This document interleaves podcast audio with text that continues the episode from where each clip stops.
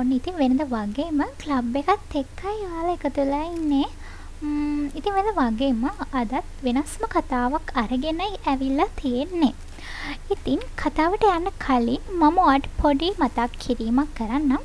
තාමත් ඔයා ක්ලබ් එක ෆලෝ කළ නැත්තම් ෆලෝ කරන්න ඕනේ. මේක ඩිස්ක්‍රපෂන් එක ලිංක එකට ගිහිල්ලා ක්ලබ් එක වෙබ්සයිට් එක වගේ මෝල්ට ෆලෝ කරන්න පුළුවන්. ඉතිං අද කතාව පෙම්වතියගේ නිරෝධ වීඩියෝ කර කප්පා මිල්ලෝ පෙම්වතා පොලිසියට අහෝනු උපාය ගැනයි අදමං ඔයාලට කතා කරන්න යන්නේ. ඉතිං අප වැඩි කතා නැතුවම අද කතාවට යමු.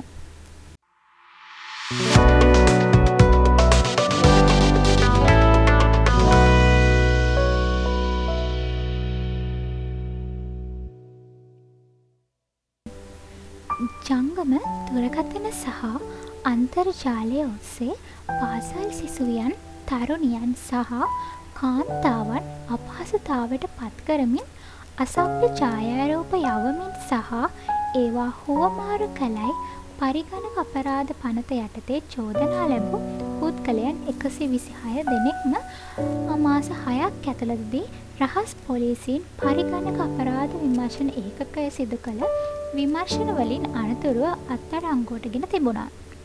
මේ ඒකකයට එලෙස ලැබුණ පැමිණිලි අතර සුවිශේෂී එකක් වූයේ ජාත්‍යන්තර පාසලක දැරියක සමග මිතුරු ඇගේ පන්ති මිතුරකු ඇය ලවා ඇගේ නිර්වත් ඡායාරූප ගෙන්වාගෙන ඒවා හෝ මාරු කර තිබීමයි.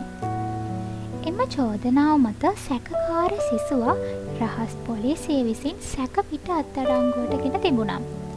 ඇතැම් පිරිමි අය කාන්තාවන් තරුණියන් පාසල් සිසුවියන් සමඟ ඉතා සූක්ෂම ලෙස පෙම් සමතා ගොඩ නගාගෙන කලකදී ඔවුන්ගේ නිරුවත් ඡායාරූප අන්තර්ජාල ඇප් ඔස්සේ ගෙන්වාගෙන පසුව ඒවා ප්‍රසිද්ධ කරන බව පවසමින් තර්ජනය කර බයගන්වමින් කප්පන් මුදල් ලබා ගැනීමට හෝ ඔවුන් සමඟ අඹු සැම්බි ඇසුර පැවැත්වීමට උත්සාහ ගැනීමේ සිද්ධි ගණනාවක් පසුගේ දිනවල දිගින් දිගටම වාර්තා වුණා. මෙහි අලුත් කතාව වාර්තාවෙක් තිබුණේ පුත්තල ප්‍රදේශයනි ඇය ජානකීය.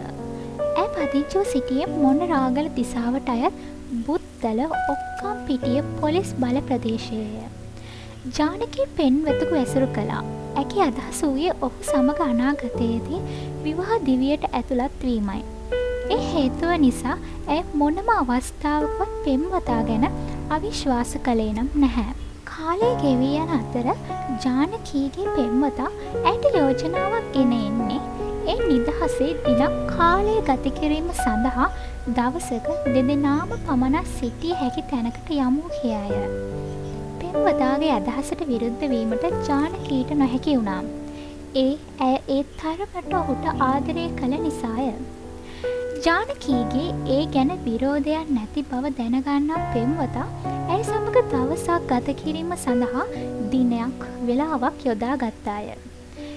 ඒ මාර්තු මාසේ දාසය වනදාය.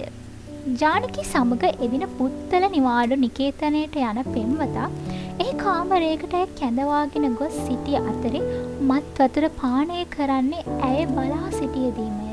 ඉන් අනතුරුව ඇයටද සිදුවන්නේ පෙම්වතා දුන් මත් වතුර පානය කිරීමටයි.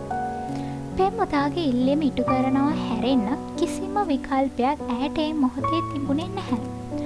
මත් වතුර පානය කිරීමෙන් අනතුරුව අවසිහියෙන් මෙන් සිටි ජානකීට අතවර කරන පෙම්වතා එම සිද්ධිය මුල සිටම වීඩියෝ ගත කරන්නටද කටයුතු උදා ගත්තා. එදා දවස එහි ගත කළ දෙදෙනා ඉන් පිටව ගිය ලෙං අතුකම තව තවත් වැඩි කරගෙනය. එහෙත් ඉන් පසු ජානකී මුහුණ පෑවේ ලොකො කරදරයකටය. ජානකි පෙම්වතා සමඟ අඹු සැමි ඇසුරේ නිරතව සිටින දර්ශන පෙම්වතා අන්තර්ජාලය ඔස්සේ ඇයට ඒවා තිබුණා. ඒ දුටු ඇය වික්ෂිප්ත වුණා. කරදරේ පටන් ගත්තේ එතැන් සිටය. වදින්නට ගිය දේවාලය හිස මත කඩා වැටුණා වැනිය. මා මෙතෙක් පණමෙන් ආදරය කළ පෙම්වතාගේ තත්ත්වය ජානකී දැනගන්නේ ඇවිටය. මේ වීඩියෝ දර්ශන සමාජ මාධ්‍ය ජාලාවට මුදා හරින බව ජානකීට කියන පෙම්වතා එසේ නොකරන්ඩ නම් ඇගෙන් මුදල් ඉල්ලා සිටින්නේ තර්ජනාත්මකය. අසරනවා සිටින ජානකීට පෙම්වතා ඉල්ලන මුදල් දීම හැරෙන්න්නට වෙනත් විකල්පයක් නොවිය. තර්ජන හමුවේ බියටපත් ඇය පෙම්වතාට වතා කීපයක් මුදල් දුන්නාය. පෙම්වතාගේ සිදුවන කරදරය දිගින් දිගටම වැඩිවෙද්දි ජානකී තීරණයකට එළඹියාය. ඇය මේ ගැන කොළඹ පොලිස් ළමා හා කාන්තා කාර්යංශයට ඔක්කම් පිටිය සහ බුත්තල පොලිස් ස්ථානවලට දැනුම් දෙන්නේ ඒ අනුවය. මේ අතර ජානකීගේ සාහසික පෙම්වතා ඇගේ නිරුවත් දර්ශන ජානකීගේ මවගේ ජංගම දුර්කතනයට එවන්නේ සිත් පිත් නැත්තෙකු සේය.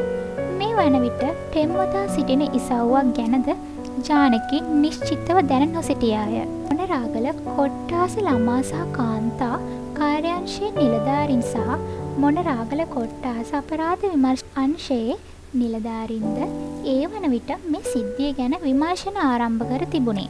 මොනරාගල කොට්ටා සපරාධ විමර්ශන අංශයේ ස්ථානාධිපති ප්‍රධාන පොලිස් පරීක්ෂක ප්‍රියන්ත ප්‍රේමතිලක පොලිස් පරීක්ෂක වසන්ත බණ්ඩාර උපපොලිස් පරීක්ෂකවරුන් නවරත්න අබේරත්න විජේ වික්‍රම කොස්තාපල්වරුන් වන සතක් කබේ වර්ධන ජයවර්ධන අමිල සුරේෂ්ෂණ නිලධාරින් සැකකරු අල්ලා ගැනීම සඳහා සැලසුමක් සකස් කරන්නේ ඉන් අනතුරුවය.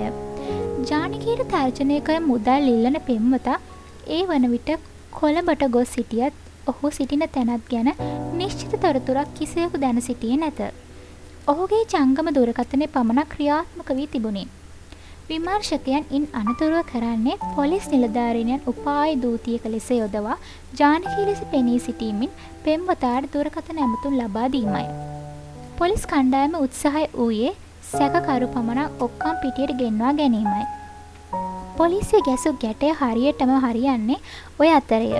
උපාය දූතයා ලෙස වෙස් ගැන්වන පොලිස් නිලධාරිණය ජානකී ලෙසම පෙනී සිටීමෙන් සැකකරුට ඇමතුමක් ගෙන ඔහුගෙන් ඉල්ලන්නේ ඔක්කම් පිටි ප්‍රදේශයට පැමිණෙන ලෙසයි. ඇයට රැවටුණු සැකකරු ඔක්කම් පිටි ප්‍රදේශයට කොළඹ සිට පැමිණෙන අතර ඒ අනුව එහිගේ කොට්ටා සපරාධ විමර්ශන අංශය නිලධාරින් ඔහු අත්තඩංගොට ගන්නේ වැඩි අපස්ථාවකින් තොරවය. සැකකරු එලෙස අත්තඩංගුවට ගෙන ප්‍රශ්න කරද්දී හෙළවී ඇත්තේ ඔහු ස්ත්‍රී දූෂණ කීපයක් සම්බන්ධයෙන්ම පොලිසියට අවශ්‍ය සිටින අයකු බවයි. මේ පුද්ගලයා මීට පෙර මෙලෙසම පෙම්වතියන් කීප දෙනෙකු ඇසුරු කර තිබුණ අතර ඔවුන්ද මෙසේම රවටා ඔවුන්ගේ නිරුවත් ඡායාරූප අන්තර්ජාලයටත් එම පෙම්වතියගේ ඥාතීන්ටත් මුදාහැර තිබුණ බව විමර්ශනවලදී හෙළි වුණා. වැඩිදුර විමර්ශන පිණිස සැකකරු බුත්තල පොලිසියට භාරදී තිබුණා.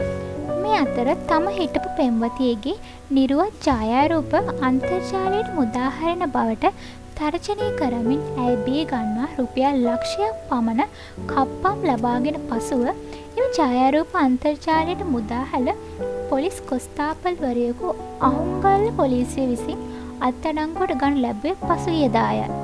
සැකකාර කොස්තාපල්වරයා අඳුරුප්පු වීදියේ පොලිසියේ සේවයෙන් නිර්තායකි. අහුංගල පොලිස් අසමේ පදිංචි තරුණයකු ප්‍රතිවරයාට කළ පැමිණිල්ලක් අනුව විමර්ශනයක් කාලම්භ කර අහුංගල්ල පොලිස් නිලධාරින් මේ සැකකරු අත්තනංගුවටගෙන තිබුණා. සැකකාර කොස්තාපල්වරයා මේ තරුණය විවාහ කරගන්නා බවට පොරොන්දුදී මව්පියන්ගේ කැමැත්ත මත වසර දෙකක් පමණ ඇය සමඟ පෙම් සම්බන්ධතා පවත්වා ගෙන ගොස් ඇති අතර එම කාලය ඇගේ නිරුවත් ඡායාරූප ලබාගෙන තිබුණා. පසුව සුළු කාරණයකට තරුණි අතහැර දමන කොස්තාපල් ඇගේ නිරුවත් ඡායාරූප අන්තර්ජාලයට මුදාහන්න බව කියා තර්ජනය කළ රුපියල් ලක්ෂයක කප්පමක් ලබා ගැනීමේ අනතුරුව එම ඡායාරූප අන්තර්ජාලයට මුදාහැරි තියූ බව විමර්ශනද හෙළිවුණා. ඉතින් අද කතාවම මේ විදිහට නිමා කරනවා ඉතින් හැමෝම සතුටින් පරිස්සමින් ඉන්න.